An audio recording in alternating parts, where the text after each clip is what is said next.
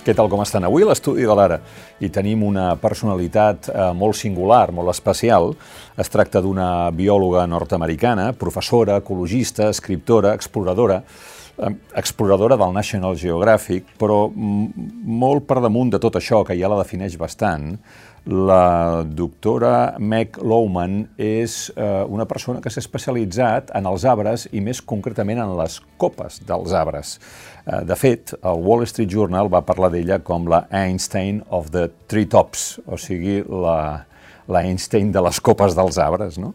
Eh, què és el que hi va buscar? Bé, ara ens ho explicarà. Quina importància té saber què passa a dalt de tot dels arbres? Mm, de seguida ho sabrem, però pensin que hi ha dedicat 30 anys de la seva vida en països com Costa Rica, Colòmbia, Belize, Panamà, Perú, Malàsia, Camerún, Índia, Austràlia, a tot arreu. Estic segur, i ara li preguntarem, que es deu haver fixat com estan els arbres de la ciutat de Barcelona. Bé, en tot cas, eh, ella eh, és a Barcelona aquests dies, convidada eh, per eh, l'Institut eh, Català d'Arquitectura Avançada. És la segona vegada que ve aquí, també la primera la va, la va convidar a aquest institut, i ens interessa saber, no només què ja està fent aquests dies, sinó en general què és el que ens pot dir sobre el que ens estan dient els arbres de l'estat del món. So, Meg Lowman, thank you very much for being here. Such a pleasure. Tell me, uh, first of all, it's your second time in Barcelona. Yes. The first one, uh, the, the, the, the, same that the first one, you have been invited by the Catalan Advanced Architecture Institute. Yes. Are you working together? We are. And my first visit, I worked with the students. We went up into your beautiful Mediterranean forests and built tree houses and different kinds of structures to give them a sense of how trees contribute to architecture. And of course, I'm very honored to be in the city of Gaudi, the tree expert of the world, trees of stone, that is. Yeah, so sure. I feel very spiritual to be back again, and this time helping them to work on some urban tree activities for Barcelona. Urban trees.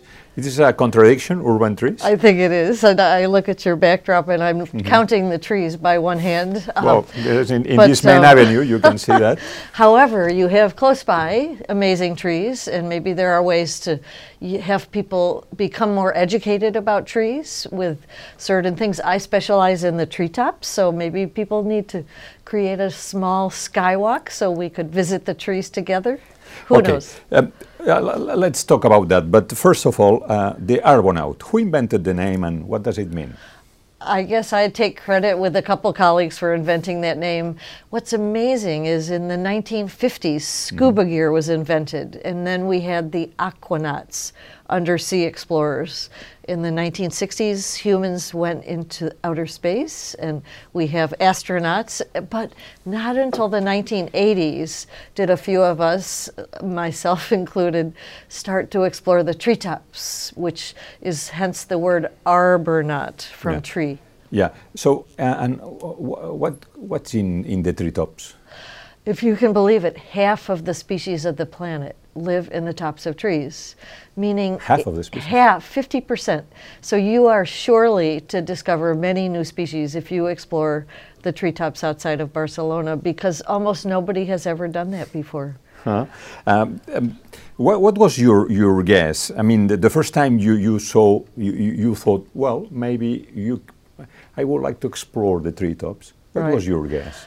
Uh, I was, of course, a child treehouse builder, treetop climber as a kid. You know, we all have that phase. But I actually did my uh, doctoral research on trees because I was interested in leaves.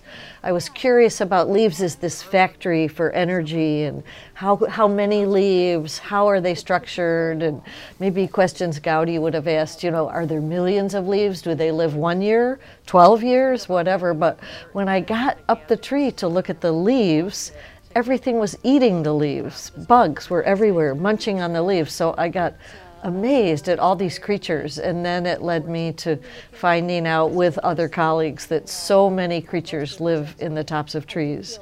It's this hot spot. It's like going to the penthouse of the condominium, right? And all the parties are up there. How do you manage to reach the, the treetop?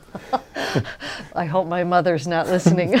Well, uh, uh, then and now, I mean. Right. So originally, believe it or not, I sewed a harness with some seatbelt webbing and I made a slingshot from a piece of metal so I could take a string put it over the tree and then pull a climbing rope. And so that was the beginning of climbing with ropes and harness.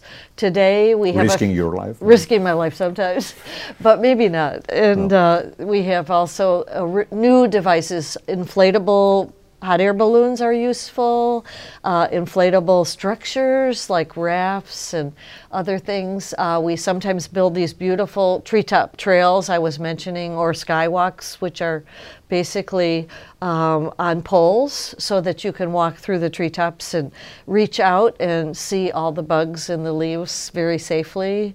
And sometimes people do use now, of course, high technology satellite imagery, drones are useful, but they never give you the level of detail of being up there yourself. And could you choose a couple of the, the, the most um, amazing experiences in the treetops? Sure. I guess I would love to say the first canopy walkway, which I helped build in Australia, was fantastic because we got up there and the beautiful Australian crimson rosellas were up there, all of their fabulous treetop animals, the koalas and other things face to face eyeball to eyeball. So the animals in the canopy or the treetops are not frightened of humans because obviously they don't expect us to be there. So it's a wonderful place to see many animals up close. So I've watched lots of fabulous birds eating worms and lots of wonderful, even uh, leopards eating their prey because a lot of times animals